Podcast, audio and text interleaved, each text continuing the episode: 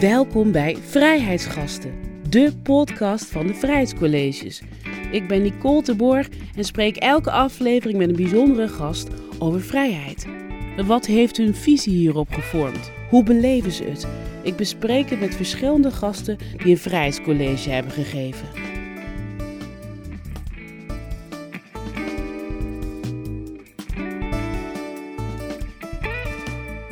Hoe is zijn gevoel voor vrijheid ontstaan? Hoe kijkt hij naar de toekomst? En waarom was hij ooit op zijn 30ste verjaardag in Auschwitz?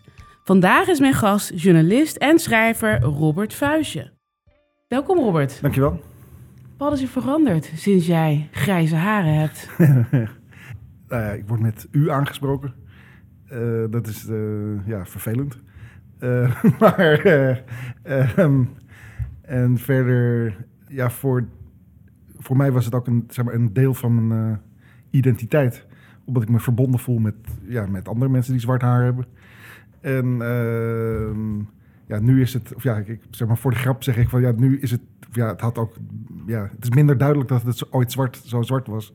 En aan de andere kant heeft het in combinatie met ouder worden, ja, het voordeel dat je een, een minder uh, ja, bedreigende verschijning bent. Dus dingen die, zeg maar, die ik nu bij mijn zoon zie, die, van wie het haar nog wel helemaal zwart is, uh, ja, waren dingen die ik vroeger ook meemaakte. En bij mij is het ja, gemakkelijker om, uh, ja, als iemand mij over straat of iemand mijn winkel binnen ziet komen, dan denken ze niet meer van, uh, oh, die, hier gaat iets gebeuren. En bij hem, ja, bij hem nu dus nog wel. Dus in die zin is het, ja, is het makkelijker. Dachten ze dat wel vroeger, dat jij een bedreiging was? Ja, het duurde een paar jaar tot ik dat tot ik dat besefte waarom dat was. Dus ik kwam uit een, uh, of ik kom uit Amsterdam-Zuid, uit een, nou ja, ik heb op scholen gezeten tussen redelijk bevoorrechte kinderen. Dus ik zag mezelf ja, ook als een van die kinderen, ook als een gymnasiast die uit Amsterdam-Zuid kwam. Dus er waren, uh, ik heb dat in mijn boek ook proberen te beschrijven, dat er zeg maar, twee dingen waren die ik eerst los zag van elkaar en pas later eh, met elkaar in verband bracht. Dus ten eerste dat ik door mensen op straat vaak werd aangesproken in een taal die ik zelf niet spreek. Dus waarvan ik nou ja, later geconcludeerd heb dat het een taal uit Marokko of Turkije waarschijnlijk uh, was. Maar dat begon al toen ik ja, uh, acht was of zo. Dus toen dacht ik al van, ja, kennelijk zijn zij in de veronderstelling dat ik deze taal spreek. En toen ik iets ouder begon te worden, dus nou ja, de leeftijd die mijn zoon nu heeft, die is 14, begonnen er ook dingen als, uh, nou ja, inderdaad in winkels uh, mij achtervolgen. Dat ik dacht van, wat, waarom denk je dat ik hier... Uh, ik kan me wel voorstellen dat, ja, misschien dat dat... In mijn hoofd was het, ja, misschien dat andere mensen dat doen. Maar ik, ja, ik kom uit Amsterdam-Zuid, dus ik, dat, de, dat ben ik toch niet. En later bij... toen werkte ik ook tussen, nou ja, tussen allemaal Hollandse collega's. En bij dingen als... ja, met z'n allen ergens samen aankomen of het nou in een discotheek was of bij een, zelfs bij een boekpresentatie. Uh, dat iedereen nou ja, gewoon naar binnen liep en dat aan mij altijd werd gevraagd van wat ja, kan ik je helpen of wat kom je hier doen? Dus dat is nu voorbij? Ja, en dat... Uh, hoe, hoe is dat dan voor je? Uh, nou, nou, ja, ik hoef er in ieder geval niet meer over na te denken. Ik word nog wel nog steeds vaak in een buitenlandse taal aangesproken, maar meestal in het Engels. Dus dan mensen kennelijk kunnen wel zien van, oh ja, er, daar is iets mee of die komt niet hier vandaan. En, maar dan denken ze nu dus dat ik eh, Engels eh, spreek in plaats van Nederlands. En, je hebt het over jouw zoon die dat nu meemaakt. Je hebt twee zoons volgens mij, samen wel een Sonny. Klopt. Maar uh, wie van de twee maakt dat mee? Sonny. Sonny. Die, zijn moeder is, ja, komt uit Brazilië en nou, hij heeft min of meer, of, nou, is iets donkerder dan ik, maar niet heel veel. Uh, dus hij ziet er ja, licht getint is hij in ieder geval, heel ja. licht getint. En zijn haar, en, zwart en, haar? Ja, zwart, ja, wel nog iets meer krullen dan ik ook. Dus die ja, ziet er gewoon, ja, om het maar even uh, simpel te zeggen, ziet er uit als een Marokkaan. Hmm. En uh, begint uh, ja, sinds een aantal jaren daar aan mij vragen over te stellen van waar, ja, waarom, waarom gebeurt dat?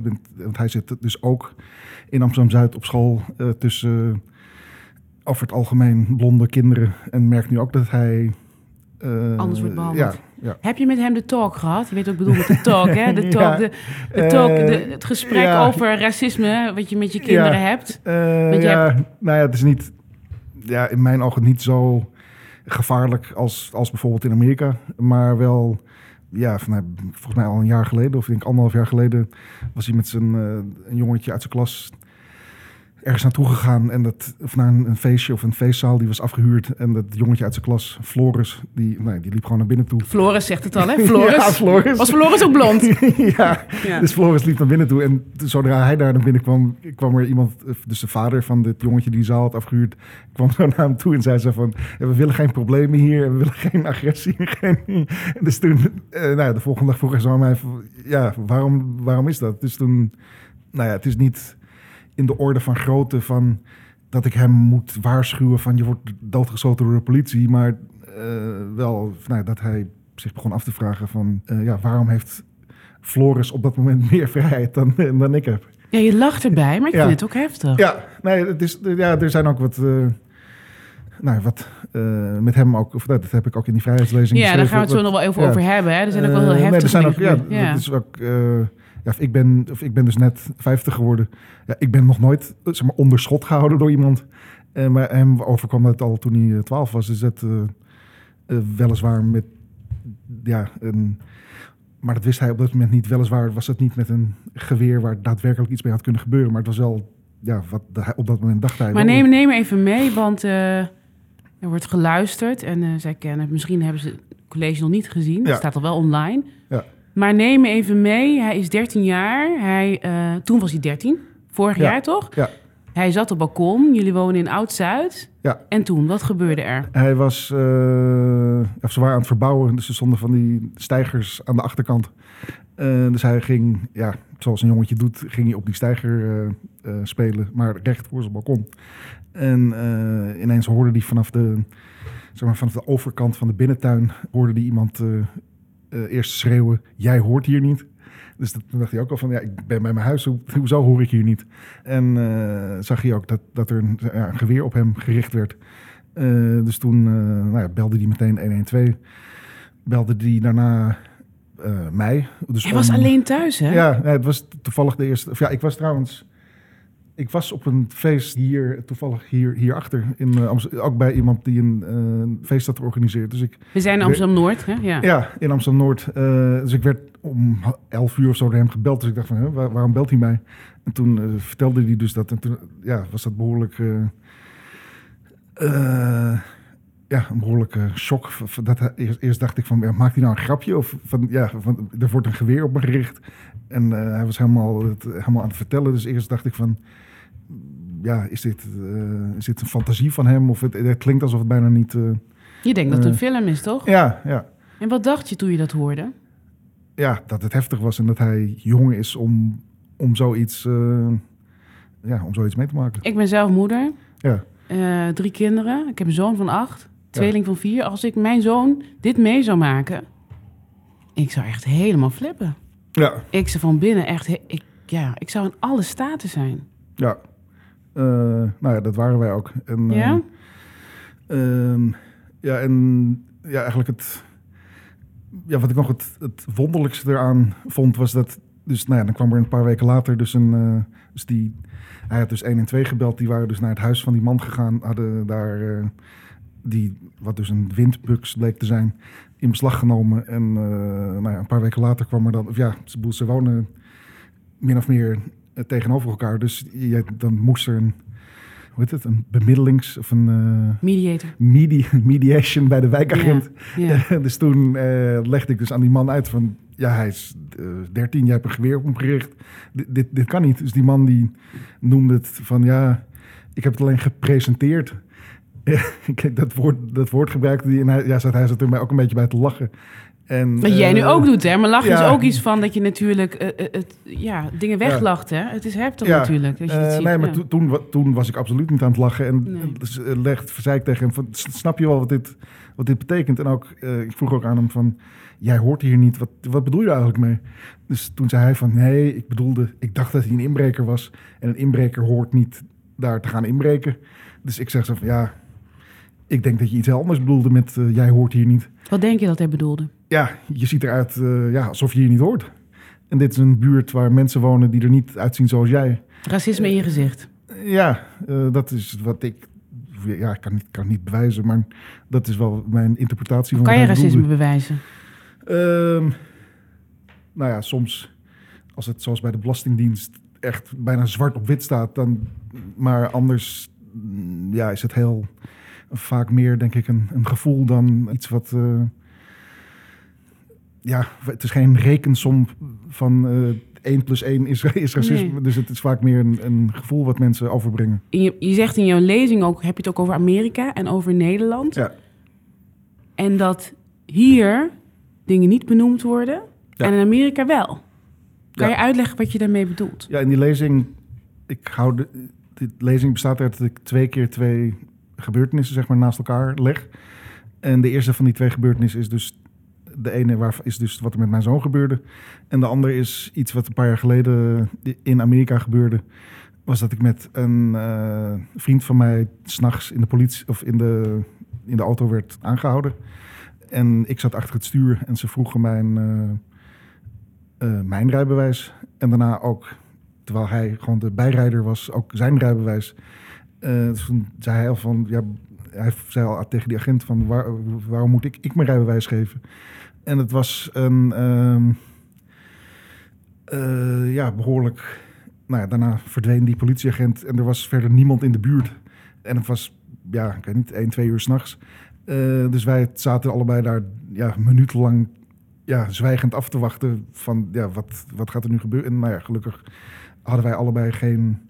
Laten we de situatie even schetsen. Je was in Memphis. Je reed daar s'nachts rond. Je had het verkeerde afslag genomen. In het donker. Ja. Eh, je wordt gestopt. Raampje open. Politieagent. Je kent de verhalen natuurlijk. Zit een zwarte man naast je. Ja, En dan zit je daar in de eh, auto. En je ja, weet en- niet wat er gaat gebeuren. nee, en de politieagent eh, was nou ja, wit. Dus die ja, verdween met onze rijbewijzen om, nou om te gaan kijken of er iets te vinden was. Dus in de paar minuten dat hij. Ja, zaten wij daar een beetje, een beetje als versteend te af te wachten. Wat, wat gaat er nu gebeuren? En gelukkig kwam hij na een paar minuten terug en gaf gewoon onze rijbewijzen terug. En eh, nou, we mochten gewoon doorrijden. Maar in die situatie was ja, voor iedereen duidelijk wat, wat hier aan de hand was. En wat de context en de geschiedenis van Amerika is. En wat het betekende. Wat zeg maar, de, de rol van die politieagent op dat moment was. Wat de rol van Greg was. Wat de rol ja, in feite van mij was. Dat, Want als jij er niet was geweest, Ja, was geweest precies. wat zei Gregory erover? Wat als jij er Nou niet ja, was geweest? Ja, hij zei daarna toen we dus mochten wegrijden van ja, bedankt dat je erbij was, want anders weet ik niet wat er gebeurd was. Als, als ik in mijn eentje hier achter het stuur had gezeten en ik had een, ja, een verkeerde beweging of ik had de, mijn rijbewijs uit het, eh, ergens vandaan moeten, uit mijn zak moeten halen. Of, eh, dus het was voor iedereen duidelijk in welke historische context dit allemaal eh, en wat, nou ja, wat alle drie onze rollen waren daarin. En dat was heel ehm, ja, anders dan in Nederland, waarbij eh, dus die buurman gewoon lachend kan zeggen van ja, nee, maar zo bedoel ik het niet en hoe kom je daarbij? Hmm. Eh, en in Amerika, ja, had ik dat gesprek met die agent niet eens hoeven te, want ja, die weet ook, die, die is ook niet eh achter. Dus die rollen zijn duidelijk. De Ja. witte mensen weten ook wat er aan de hand is. Ja. Dat er gewoon een hiërarchie of zo, een zogenaamde hiërarchie is. Ja, En- en, en, dat ook, dat in Amerika heet dat ook letterlijk eh, wit of Caucasian of is, een, ja, is ook een afkomst met zijn eigen historische betekenis van wat er in dat land gebeurd is. Ja, en wat betekent dat dat we het in Nederland niet kunnen benoemen op die manier? Want je hebt natuurlijk die verhalen wel naast elkaar gelegd Ja, in, in, in het college. Het zijn het dus dezelfde systemen waar we dan mee Ja. te maken hebben. Je zegt Ja. natuurlijk wel een andere vorm, maar het is, hè, we hebben hier ook Tommy Holton en Ja. voorbeeld natuurlijk van politiegeweld. Eh, nou ja, het is hier, zoals alles, is minder extreem dan in Amerika. En minder gewelddadig en minder ja, groot, zoals, zoals alles. Maar in Nederland is nou bijvoorbeeld eh, het feit dat sinds een paar jaar het woord blank is ja, in sommige kringen is vervangen door wit. Zeg maar, al, alleen al dat detail ja, levert enorme ja, agressie op van ik ben niet wit. En Dat wit ook een kleur is, hè? ja, ja, En, eh, en dat betekent, eh, en ja, blank betekent, nou ja, heeft natuurlijk meerdere betekenissen. heeft de connotatie van Rijn en... Hè? Ja, en, ja. eh, ja, en gewoon ja, blanco en zonder, zonder dat het dus een betekenis heeft. Terwijl het in Amerika white betekent, ja, heeft de geschiedenis van nou ja, een geschiedenis die iedereen kent in Amerika. Ja. En in Nederland is die geschiedenis heeft ook plaatsgevonden. Alleen, of nou, dat probeer, of tenminste, Je hebt Amerikanistiek ge- ge- Ja. gestudeerd. Dus je hebt het ook in je college over. Het land is opgebouwd vanuit geweld. Hier weten Ja. we, er waren altijd wel zwarte mensen hier, maar heel weinig. Die zijn Ja. later pas gekomen. Dus is ik- dat voor jou, verklaart dat voor jou het verschil tussen dat benoemen? Of is het ook een taalkwestie? Wat is dat volgens Eh, jou? Ik denk dat het, ja, enerzijds dus is de, het feit dat het wat Nederland gedaan heeft, voor een groot deel dus in andere delen van Nederland, dus in Indonesië en in de Cariben en in eh nou ja, Antillen, Suriname, daar zijn ja, vergelijkbare dingen gebeurd. Alleen in Amerika, dus bijvoorbeeld in Memphis, is dat op, op die plek is dat gebeurd. En in Nederland is het, ja, het is wel, het hoorde bij Nederland, maar het is niet hier in Amsterdam of in Rotterdam. Of, eh, dus dat maakt denk ik een, dat maakt het op een bepaalde manier ja, de afstand groter. En in Nederland eh, hebben we misschien meer dan in Amerika een soort beeld van onszelf. Van ja, wij zijn dat onschuldige landje en wij, dat doen ze in Amerika. We zijn de ze- slachtoffers. Ja, hè? Net als bij eh, de Tweede Wereldoorlog. We zijn niet de daders. Ja, en in Amerika hebben ze, daar hebben ze Trump. En wij, ik bedoel, wij hebben ook gewoon, ja, extreem. Wie hebben wij? Wie hebben wij? Nou ja, wij hebben eh, Wilders en, en Baudet die gewoon in de Tweede Kamer zitten. Maar dat, daar wordt altijd, eh, nou, zeker bij Baudet, wordt, wordt daar gewoon nog steeds lachen van ja, hij bedoelt het allemaal ironisch of zo. Terwijl, het gewoon, terwijl hij gewoon letterlijk gezegd heeft hoe hij Europa ziet. Als ja, voor eh, wat hij dus blanke mensen noemt. Dat is hoe hij Europa wil zien. En dus Nederland ook. Ja, want je zegt het ook in je college. We hadden Jan Maat in de jaren tachtig die dezelfde dingen zeiden. Maar dat, dat, Ja. dat ja, werd niet serieus genomen, werd weggelachen. Nee, toen werd, maar dat was ook een beetje een, ja, een, beetje een sneuwe figuur die niet... eh, zowel Wilders als Baudet hebben op hun eigen manier een soort charisma... en zijn, ja, zijn gewoon goede politici eh, die eh, mensen aan zich kunnen binden. En dat was bij Jan Maat ja, veel, veel minder het geval. En je vertelt deze verhalen over Amerika, over wat met je zoon is gebeurd. Hoe verhoudt dat zich tot, tot, tot jouw vrijheid? Wat wil je daarmee zeggen over jouw vrijheid? Nou ja, dat ik... mm, Maar dat ja, staat weer een beetje los van, van deze gebeurtenis die ik net beschreef. Dat gaat eigenlijk over nou, ik denk het andere deel van die eh, lezing. Dat ik eh, door ja, wat ik van mijn eigen familieleden gehoord heb... een, ehm, nou, in ieder geval een besef heb dat ja, vrijheid dus niet vanzelfsprekend is. Want ik heb van mijn eigen familieleden gehoord dat zij dus een aantal jaren... eh, toen zij in hun ja, twintigers waren...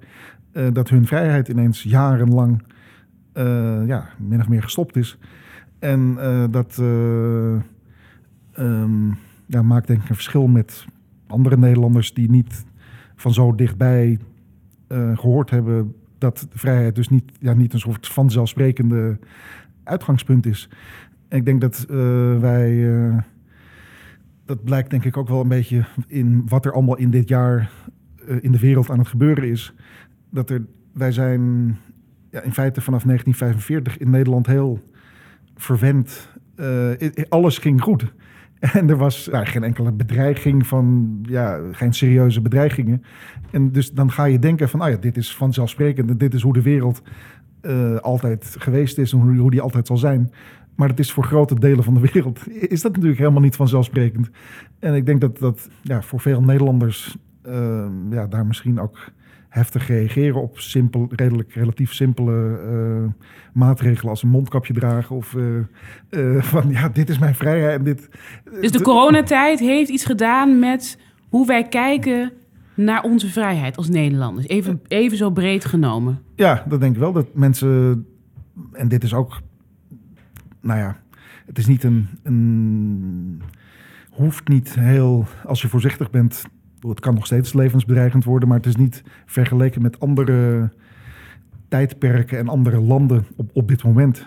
Zitten we in Nederland nog steeds, hebben we ja, best een grote vrijheid en kunnen we allemaal We kunnen onze handen wassen bijvoorbeeld. Hè? ja, met schoon water. En we, hebben, we kunnen al, iedere dag douchen zolang als we willen. En, eh, en we kunnen naar supermarkten waar alles te koop is wat we willen.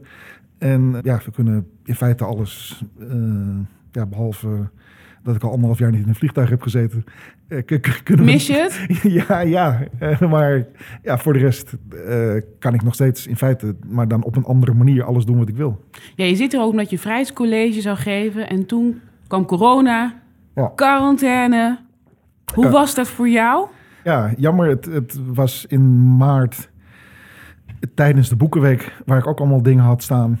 Uh, dus ja, mijn hele, alles wat ik gepland had, die uh, stopte. Maar ja, dit is denk ik in de context van, van echt serieuze problemen, was dit ja, jammer, maar niet, ja, niet het, het einde van de wereld. Laten we even gaan luisteren naar een fragment uit je college, pas opgenomen okay. in, in oktober. In die boeken gaat het wel eens over wat andere mensen een Joodse achtergrond noemen. Daar moet ik altijd om lachen, want het hoort natuurlijk te zijn een Joodse voorgrond. Want het is altijd aanwezig. In die schoolklassen probeer ik de leerlingen uit te leggen waarom ik daarover schrijf. Ik vertel ze dat de Tweede Wereldoorlog voor mij niet een historische gebeurtenis is die je alleen kent uit een geschiedenisboekje. Iets dat is gebeurd in een eeuw waarin je zelf nog niet eens geboren was. Vergelijkbaar met de 80-jarige oorlog of de slag bij Nieuwpoort. Ik vertel ze dat het voor mij een tastbaar evenement was waarover ik heb gehoord van mijn eigen opa en oma. Je hebt erover gehoord, je opa en je oom, uh, oud-oom moet ik zeggen. Ja. Nathan hebben jou dat verteld. Ja. Wat heeft het gedaan met jouw vrijheidsbesef? Dat je, dat je die geschiedenis van jouw familie kent? Um, Holocaust overleefd, hè, die twee familieleden? Um, ja, best veel, denk ik. Uh, ik denk dat als kind niet... Uh, als kind waren het ook gewoon ja, spannende verhalen van mensen die het dus overleefd hadden en die zichzelf ook een soort, um, zeker Nathan die Auschwitz, uit Auschwitz was teruggekomen, voelde zich ook een soort winnaar van ik leef nog wel en, en Hitler niet meer. En dus ik, dus ik heb gewonnen. Uh, Dus die praten er ook met een bepaalde um, ja, triomf of zo uh, over. Maar het waren natuurlijk wel ja, hele heftige verhalen. Hoe oud was je toen je die verhalen hoorde? Uh, ja, nou, het begon toen ik denk zes of acht was. Of dat hij, in die lezing beschrijf ik ook dat hij dus zijn, zijn overhemd uh, omhoog... Dat is, ik denk een van mijn eerste jeugdherinneringen überhaupt. Die, zeg maar, iets wat je nog letterlijk voor je ziet. Dat, dat hij zo zijn overhemd omhoog deed. En was het die overhemd dat hij aan, weet je dat nog? Ja, een wit, een wit overhemd dat hij zo, uh, nou ja, zo omhoog stroopte. En dat hij dat zo, dus nou ja, het is een nummer op zijn arm getatoeëerd. Dus ik ja, ik weet niet of ik op dat moment eigenlijk wel echt besefte wat, wat dat precies betekende. Uh, maar op een bepaalde manier voelde ik wel aan dit, ja, dit is iets, ja, iets belangrijks. Of, nou, ik voelde aan de situatie, waar trouwens met z'n tweeën, maar ik voelde wel dat dat iets voor iets stond. En later uh, ja, besefte ik dat uh, ja, allerlei dingen die ik daarna in mijn leven, of keuzes die ik gemaakt heb, of dingen die gebeurd zijn, dat dat, ja, denk ik, voor een groot deel in een context staat van, van die verhalen die ik als kind hoorde. Welke keuzes denk je dan? Um, nou ja, sowieso het gevoel van niet.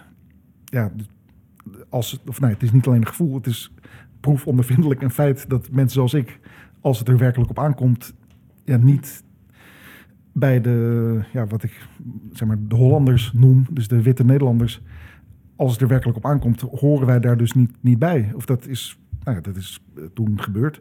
Dat dus, ervaar je nog steeds zo? Um, We hebben het over Jood zijn, hè? Ja, ja. ja. ja. Uh, nou ja, ik, ja het, het, het is een feit. Mm. Dus het, het is in mijn hoofd uh, het feit dat ik, nou ja, bijvoorbeeld nog nooit serieuze verkeer, verkering heb gehad met een, met een Hollands meisje.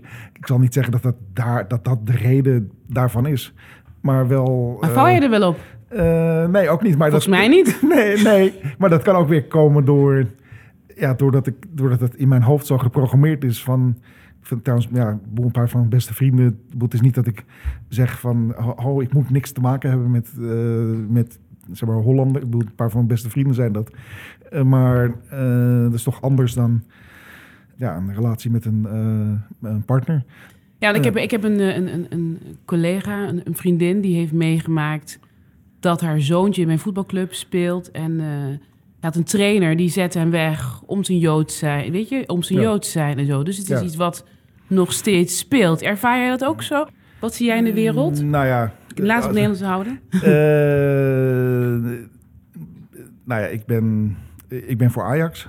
Maar ik, in dat stadion wordt van twee kanten. Dus uh, zeg maar, toen er nog mensen in, in stadions mochten zitten, wordt, heb je dus bij Ajax allemaal supporters die, die dus zelf niet Jood zijn, die zichzelf de Joden noemen en met Israëlische vlaggen staan te zwaaien. En dat lokt weer een, eh, reactie op van de supporters van de tegenpartij. En dan zitten er dus twee groepen waar, waar nul Joden bij zitten. Zit, zit de een de ander uit te schelden voor Joden. En de ander roept van wij zijn Joden. Ja, ik vind dat niet heel... eh, dat is een van de redenen dat ik niet in dat stadion... Ik vind het niet, niet prettig om daartussen te zitten. Wat doet het met je als je dat Eh, ja, hoort? Ja, ik vind het gewoon... ehm, ja, het geeft me een soort associaties met, ja, met andere dingen die eh 80 jaar geleden in stadions gebeurden. Van mensen die daar met z'n allen lopen te schreeuwen. Maar nu zijn er ook mensen van ja, als je naar de Joodse gemeenschap kijkt, ze hebben een goede positie. Ja, Sociaal-economisch gaat het goed. Ja. Wat maakt dat nou uit? Ja, Wat zeg jij dan? Ehm, nee, het, het, het is inderdaad verschillend van andere minderheidsgroepen in Nederland. Dus het is, niet, het is inderdaad niet zo dat mensen zoals ik hier last van hebben bij eh, sollicitaties of bij de woningzoek of eh, zeg maar de, de dingen die andere mensen door hun naam en door hun uiterlijk mee te maken hebben. Ehm, maar ja, aan de andere kant is het ook zo dat in, nou ja, in de, de politieke partijen die ik net noemde, in hun chatgroepen wordt voornaam wordt nou ja, ook over Joden gesproken. Dat betekent dat onder ja, een substantieel deel van Nederland het dat 75 jaar geleden dit in Nederland gebeurd is. En dat daar relatief nogal weinig mensen tegen opstand zijn gekomen. Het is niet zo dat dat, dat het feit dat dat 75 jaar geleden gebeurd is, dat dat, dat sentiment dat dat mogelijk kon maken, dat dat volkomen verdwenen is uit Nederland. Dat zit er, dat zit er nog steeds. En dat blijkt ook uit zeg maar, iedere Joodse eh, bijeenkomst waar ik heen ga, is, is onder eh, bewaking. Ik woon relatief dicht bij het, nou ja, een restaurant waar het al een paar keer is eh, vernield. Ik kom vrijwel dagelijks langs scholen waar Marechaussee staat, wat niet een heel prettig... Ik weet niet of, ja, wat er zou gebeuren als die Marechaussee daar niet meer staat. Misschien gebeurt er dan helemaal niks. Maar ja, het is toch niet een heel... Het geeft je toch een gevoel van... Terwijl er zoiets heftigs in Nederland gebeurd is... moet nog steeds dit soort maatregelen worden kennelijk nodig geacht. En dat zal niet... Ja, ik neem aan dat dat niet voor niks gebeurt. Er zijn steeds minder mensen die het kunnen navertellen. Ja. Ehm, er is geen oom die eh, bij Nathan en eh, Samuel volgens mij de mouw op kan stropen, toch? Nee, en dat klopt. kan laten zien. Nee. Hoe, hoe breng je dat dan over naar hen? Doe je dat wel? Ja, maar op een hele andere manier dan, dan het op mij is overgebracht. Want ik, ja, ik ben er natuurlijk niet. Ik heb het gelukkig niet, niet zelf hoeven meemaken.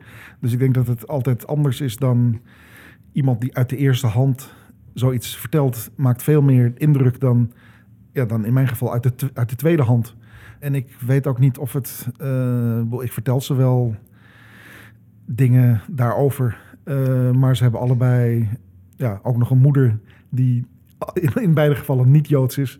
En die ook een andere cultuur heeft die ehm, ja, zeg maar duidelijker aanwezig eh, is. Of ook duidelijker zichtbaar is.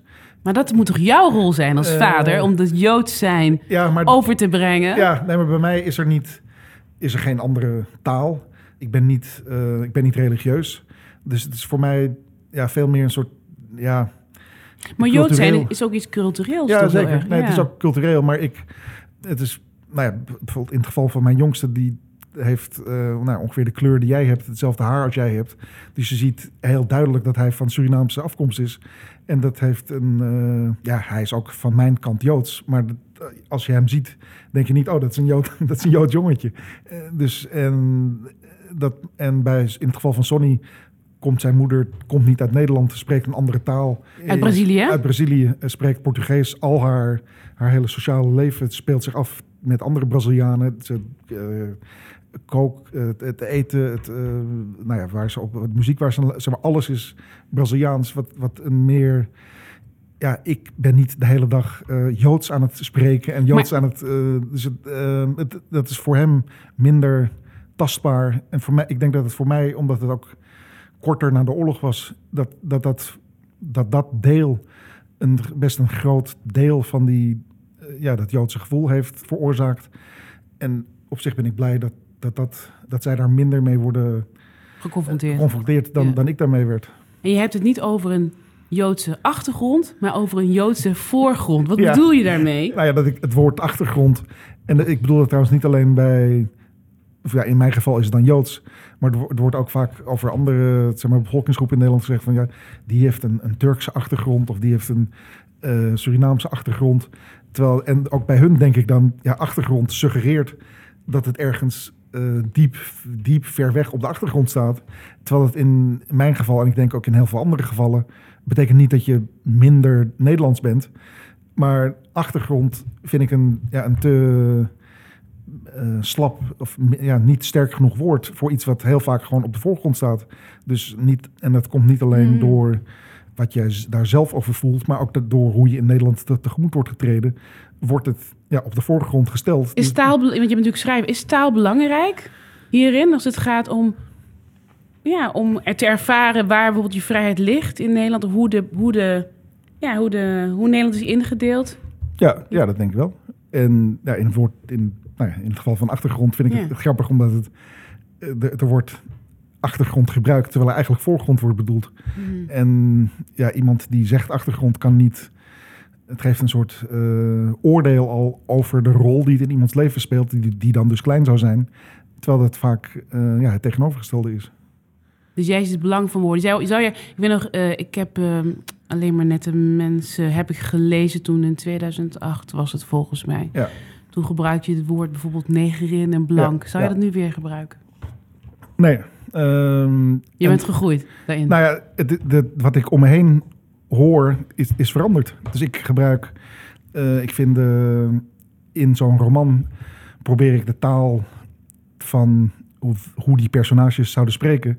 Dus het, het is niet zozeer dat, dat ik, ja, ik ben ook wel gegroeid, maar dat is niet waar het hier om gaat. De, zeg maar, de personages die ik toen beschreef, dat, dat was hoe, hoe toen gesproken werd. En ehm, Zie je als een soort, soort weer, je wilt zien, je ziet als een soort weergave van die tijd. Of zo. Ja, en nu zijn eh, de woorden, ja, als iemand nu nog zegt neger of negerin, dan is het bijna een soort keuze van, nou ja, ik weet dat er, dat er iets met dat woord aan de hand is, maar ik kies ervoor om het nog steeds te gebruiken. In Ellie Ehm, bijvoorbeeld, de interviewserie wat je dus nu hebt in, in NRC wekelijks, fictie is dat. Ja. Zou je die woorden daarin gebruiken? Eh, nou ja, alleen als, dat, als het een functie heeft. Eh, dus bijvoorbeeld wat ik net zei, als iemand benadrukt van ik wil dat woord gebruiken, ja dan. Maar dan in mijn laatste roman wordt, komt het woord ook nog een paar keer voor. En dan is het zeg maar, als aanleiding voor een discussie dat mensen zeggen van neger, ge- zeg jij dat nog? En, eh, en ik, toevallig heb ik dit jaar nog een, een eh, interviewbundel gemaakt van interviews in de Volkskrant. Land van afkomst, hè? Ja, eh, en daar stond een interview ook met Sylvana Simons in. En die interviewreeks liep van 2014 tot, nou ja, tot nu. En dat interview met haar was uit 2015 of 16. En ik zag toen ik dat ging teruglezen, tot mijn verbazing, dat zij dus. eh nou, dat interview heb, dat leg je altijd voor aan mensen voordat het gepubliceerd wordt. En in 2015 gebruikte zij dus ook nog het woord blank. Dus het, Maar waarom Nee. dat zo verbazend? Zwart en wit ontwikkelt zich toch? Ja. eh, ja. Nee, maar de, eh, ja, kennelijk heeft, zeg maar, het lijkt lang geleden, maar het is dus nog maar vijf jaar geleden dat zelfs iemand zoals zij, die toen, denk, begin was met politiek bewust worden, dat die toen ook nog nou, gewoon dat woord gebruikte en op dezelfde manier, ehm, ja, in 2008 eh, de woorden neger en negerin, waar, ja, dat was toen de mensen die ik beschreef, dat, dat was gewoon het, het normale woord. In 2000 ging jij voor revue naar Auschwitz Ja. toe. Ja. Op je verjaardag nog ja, wel. verjaardag, ja, ja. Waarom? ja, eh, ja, omdat dat, dat verhaal kwam toen in het nieuws dat daar een discotheek geopend was in een gebouw wat een functie had gehad tij- in, zeg maar, in het kamp tijdens de oorlog. Dus het lag zeg maar, buiten het, het- anderhalf kilometer buiten het kamp. Maar in dat gebouw was, eh, moesten Joodse dwangarbeiders de, het goud uit ja, goud eh, verzamelen. En in dat gebouw, wat dus een ja, een behoorlijke heftige geschiedenis had, was een discotheek geopend. En daar was toen eh, in de hele wereld, waar waren allemaal verhalen eh, verschenen daarover. Dus op de redactie werd gezegd van, oh ja, wij moeten daar ook. En, en, en toen werd er meteen naar mij gewezen, en dat moet jij gaan doen. en, De Jood mag het doen. De ja. Jood mag even... ja, dan ging ja. ik samen met een Joodse fotograaf daar, Niet? Ja, daar naartoe. En, ja, en dat moest, nou ja, omdat er overal in allemaal kranten en tijdschriften, eh, nou ja, internet bestond toen net. Dus het moest zo snel mogelijk gebeuren. En toevallig was dat in de week voor mijn verjaardag. Dus dat was toevallig hoe het uitkwam. En nu vind ik het, ja, ja een verjaardag is... ehm, nou, ik vond het bij nader inzien vind ik het eigenlijk best bijzonder dat ik daar op mijn dertigste verjaardag... Maar wat trof eh, je aan, doe je? Als ik zelf denk aan ja, Ghana, hè, waar, waar de Ja. tot slaafgemaakten werden vervoerd, ontvoerd. Ja. Stel dat daar een club geopend wordt. Ik zou helemaal... ja, toen ik daar eh, kwam in die discotheek, of nou ja, daar konden we gewoon. eh, het moest ook, en het moest natuurlijk ook in het weekend, omdat dan die discotheek geopend was. Dus toevallig in het weekend was ik jarig. Ja, het was voor mij eh, vanuit mijn oogpunt best shocking dat die mensen die in de discotheek waren daar totaal niet mee bezig waren. En ik had ook bij, of nou wij gingen natuurlijk vragen van, kunnen we met de eigenaar spreken of mogen we foto's maken? En toen werd nou op redelijk agressieve wijze duidelijk gemaakt dat dat niet mocht. En dat was door eh, ja, van die nou ja, eh kaalgeschoren mannen met, met tatoeages en die veel in de sportschool zaten. Waarbij ik ook een soort, ja, niet een hele prettige associatie eh, meestal eh, heb. Eh, en die ja, maakte op agressieve wijze duidelijk van ja, wat, we weten dat jullie hier dat jullie er een probleem mee hebben, dat jullie hier eens komen zoeken, maar ja, ehm, wij hebben er geen problemen mee. En, en ja, wie, wie ben jij om ons te komen zeggen wat wij hier moeten doen? Ja, in Ghana wordt daar natuurlijk op een hele zal, zal je niet op die manier Nee, tegemoet nee. worden getreden, om, maar dat komt natuurlijk doordat zij daar zelf een, een heel ander gevoel bij hebben dan die Polen, die, die dus zelf ja, in, Po- in Polen wonen bijna geen Joden meer. Dus zij eh, ja, hebben daar helemaal. Zij, de bewoners van Auschwitz, eh, tenminste die ik toen sprak, ja, vonden eigenlijk ja, het heel onprettig dat zij altijd werden aangesproken op van "J- jullie wonen in de, in de, in de besmette plaats. Terwijl zij vonden van ja, wij hebben ook, ja, er wonen hier mensen, wij willen ook een discotheek hebben. En waarom zou dat niet mogen?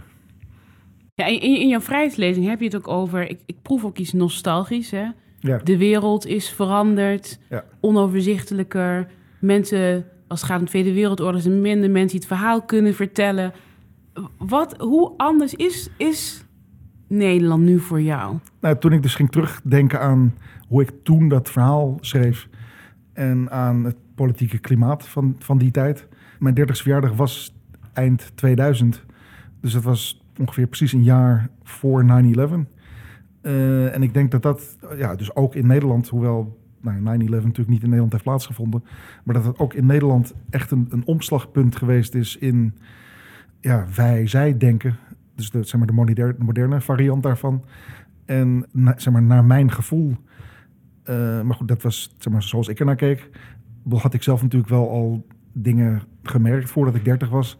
Maar het was niet zo tastbaar van nou ja, dat het voortdurend ging over moslims, over eh, een Marokkanenprobleem in Nederland.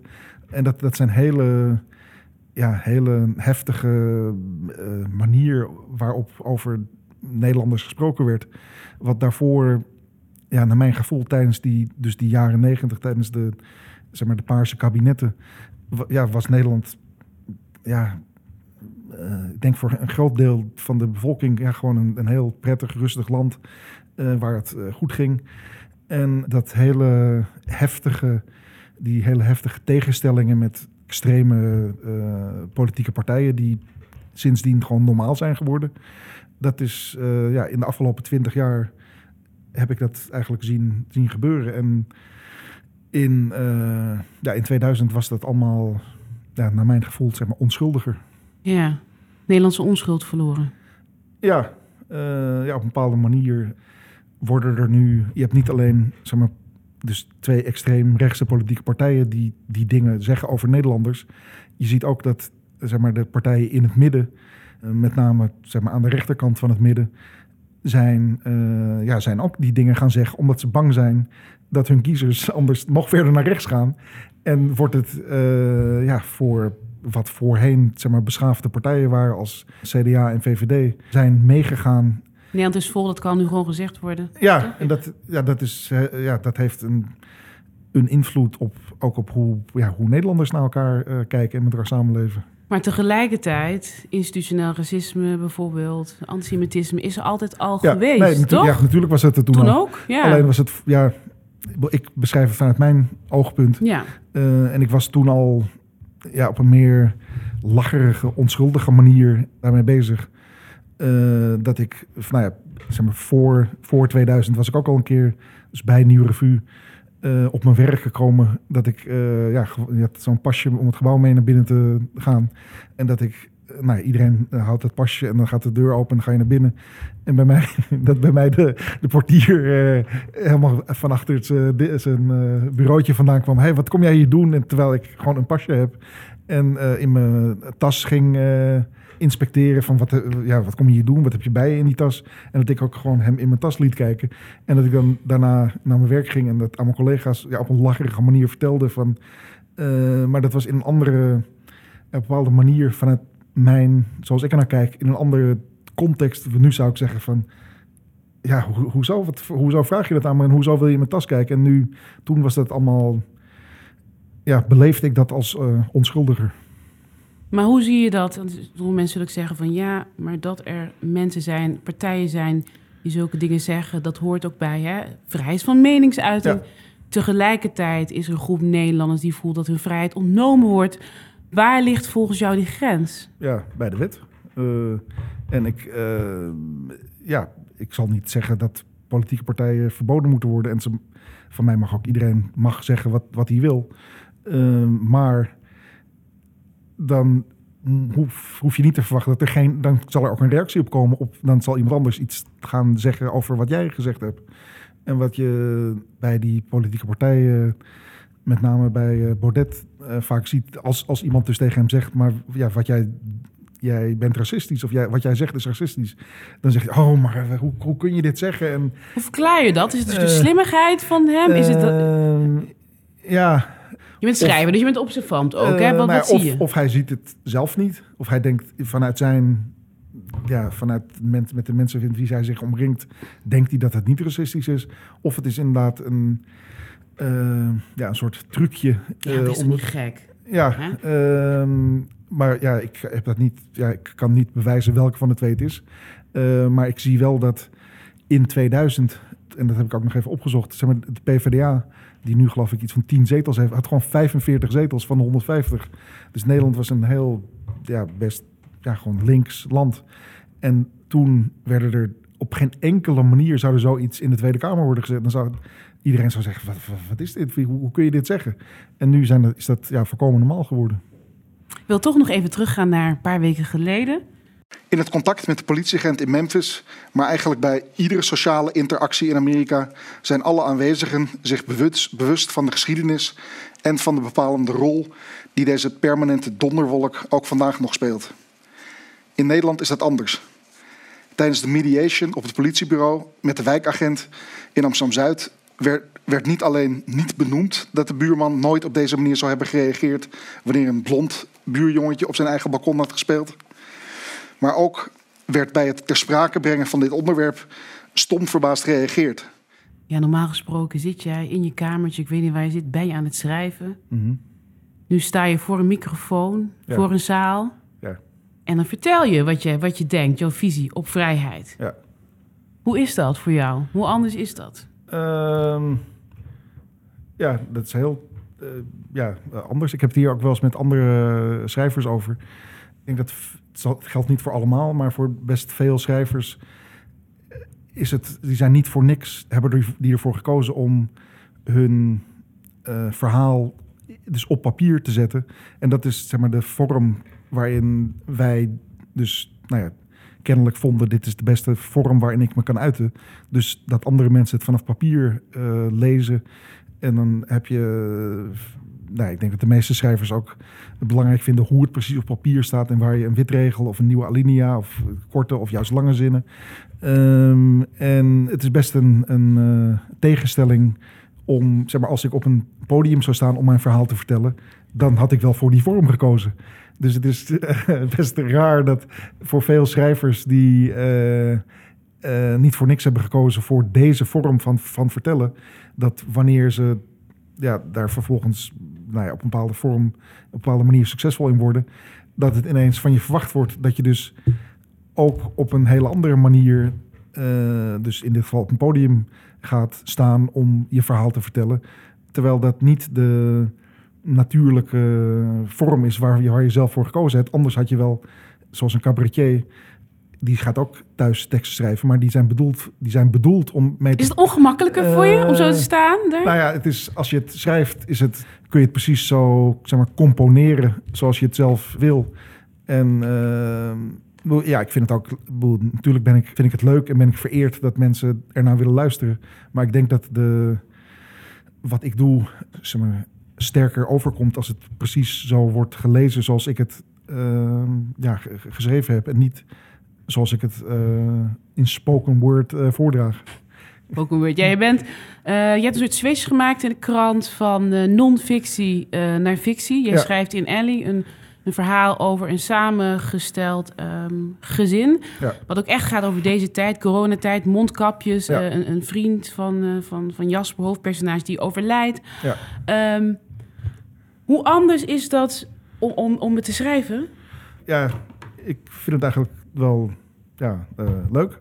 Of ik had Vind je het fijner of niet dan, dan, dan Eh, interviews? Nou, ik hoef nu minder. te- zeg maar, ik hoef niet. Bij die interviews moet je he- iedere keer allemaal mensen gaan benaderen. Die sommigen willen wel en sommigen willen niet. Dus je, moet, je bent een groot deel van de week bezig met te zorgen dat je er iedere week eentje hebt. Eh, dus dat is zeg maar dat hele organisatorische. Met eh, mensen benaderen, achterna bellen, achterna. Dus dat, nou, daarvan ben ik blij dat ik het niet meer hoef. Dat ik gewoon zelf kan eh, doen. Ja, ik- voor jou is het lekker. Ja, Maar tegelijkertijd denk ik, op zo'n groot platform kon je laten zien hoe biculturele Nederlanders, hoe zij Nederland ervaren. ja, Eh, Nee, je het- hebt zonen die ook zwart zijn. ja. Ehm, je draagt een beetje bij aan Nee, hè, dat, ja, ik, empathie. ik, was er ook graag, ik was er ook graag mee door. Het was ook niet mijn keuze om ermee te stoppen. Oh. Dus toen, eh, nou ja, toen zij daarmee wilde stoppen, wilde ik... Ik had natuurlijk wel de... Ja, het is bijna een soort... Ja, verslaving is een groot woord, maar het is heel leuk om, iets, om iedere week iets tastbaars te, in je handen te hebben. Dus toen heb ik, eh, ben ik gaan nadenken wat... Nou ja, en gelukkig heb ik iets anders gevonden waar ik ook iedere week... ehm, en ik denk zelf dat ik eh, ja, een betere fictieschrijver dan Hmm. interviewer ben. Eh, maar dat staat ja, niet los van dat die interviews, dat ik zelf ook zag dat dat ja, belangrijk was. En dat er heel veel mensen in een grote zeg maar, kwaliteitskrant eh, daar groot ook in stonden. Die op een andere manier waarschijnlijk nooit op die manier daarin hadden gekomen. Dus dat zag ik ook wel het belang dat dat, nou, dat, dat bestond. Eh, maar ja, de Volkshand, het was ook. Het, het is zes jaar lang doorgegaan. Het waren er in totaal dus 300. Dus ja, ik, het, zij kunnen. Ja, zij hebben het recht om te zeggen, nou, 300 vonden we wel. Dat zijn er heel veel ook. Zijn mensen wel mening veranderd over jou? Want ik heb natuurlijk hè, alleen maar net de mensen, vooral de film, heb je veel over je heen eh, gekregen. Ehm, daarna ben je dus een interviewserie gaan doen. Zijn mensen ook anders?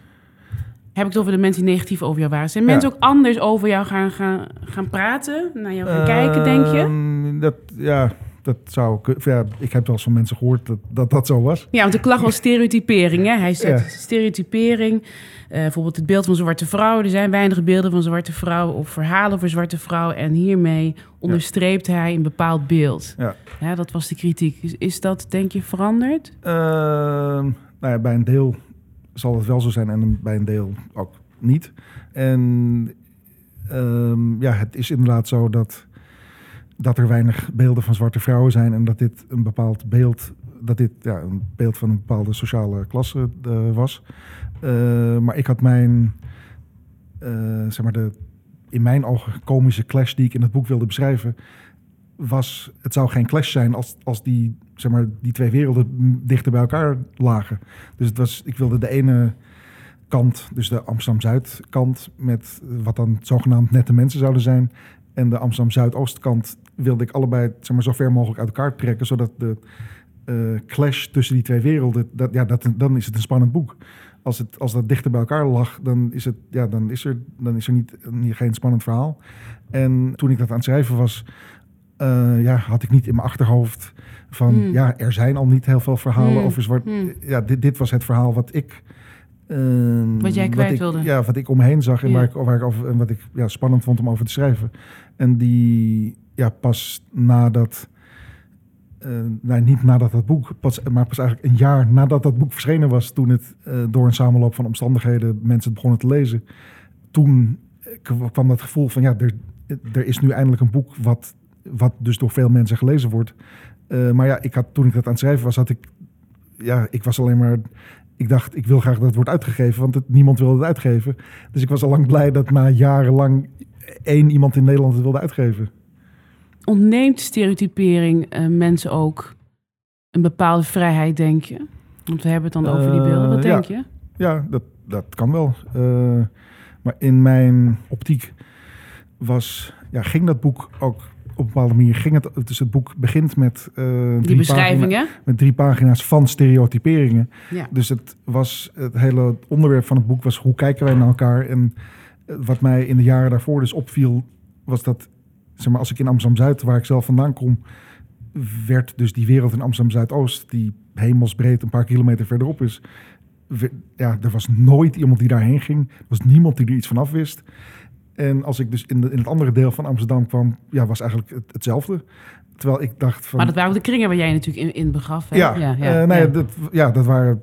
Ik zal niet zeggen dat dat, dat geldt voor alle mensen in Amsterdam Zuid en alle mensen, maar de, de kringen waar ik eh, was, dat zag ik van ja, dit zijn bijna twee werelden die losstaan van elkaar, terwijl het ja met de auto maar een paar minuten van elkaar. eh, dus ik wilde over die ja in mijn ogen verbazingwekkende manier waarop ze langs elkaar heen leefden en ook rare ideeën over elkaar hadden. Ja, dat wilde ik eh, beschrijven en dan ehm, ja, kom je ook vaak bij of mensen die van een afstand kijken, kijken in stereotyperingen. Dus ja, vandaar dat het op die manier in het boek eh, beschreven werd. Dankjewel Robert voor Ja. het gesprek. Je college staat op de YouTube van de Vrijheidscollege. En in NRC is elke week eh, jouw verhaal te lezen in de rubriek In Ali. In Ali, precies. Dit was Vrijheidsgasten, een podcast van de Vrijheidscolleges. In de volgende aflevering praat ik met Lucas de Man. Vergeet niet je te abonneren via de podcast-app en laat een mooie recensie achter. Deze podcast wordt mede mogelijk gemaakt door het Prins Bernhard Cultuurfonds. De redactie was in handen van Marije, Trix en Jelmer en de techniek door Lieven. De muziek is van Steven Ivo vanuit podcast Werkplaats Torenstuin in Amsterdam. Dank voor het luisteren.